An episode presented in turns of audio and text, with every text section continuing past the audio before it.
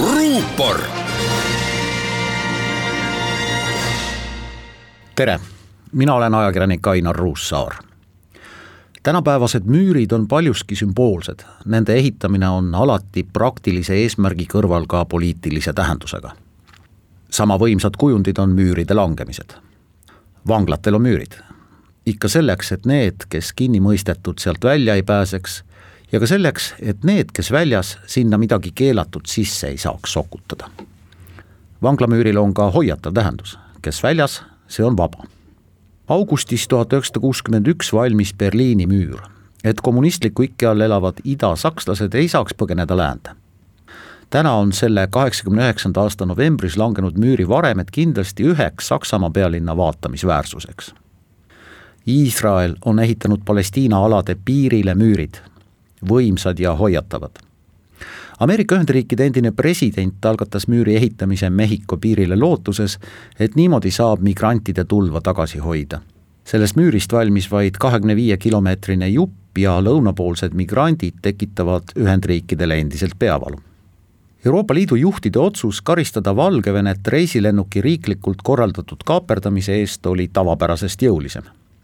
tunnistan, et isegi jõulisem, kui ma oodata lootsin sisuliselt otsustasid Euroopa juhid ehitada Valgevene õhuruumi ümber müüri.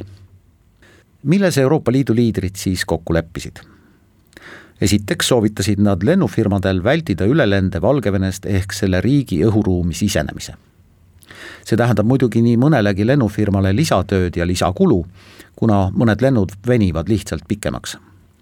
näiteks nagu Tallinn, Kiiev, Tallinn Valgevenel jäävad aga saamata ülelendudest makstavad tasud ja sealsed lennujuhid vahivad ilmselt mõnda aega tühja taevast.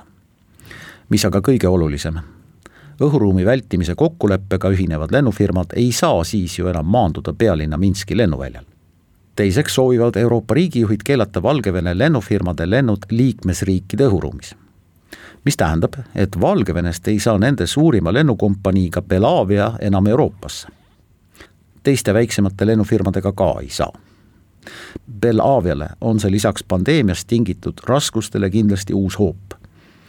lisaks kutsus Euroopa Ülemkogu rahvusvahelist tsiviillennunduse organisatsiooni üles viia kiiresti läbi pühapäevase Ryanairi lennuki röövimise uurimine veel nõuavad Euroopa liidrid pühapäeval Minskis maanduma sunnitud ja vangi võetud opositsioonilise ajakirjaniku ja tema kaaslase kohest vabastamist Euroopa Liit lubas ka kehtestada lisasanktsioonid Valgevene ametiisikutele ning diktatuurirežiimiga seotud ettevõtetele.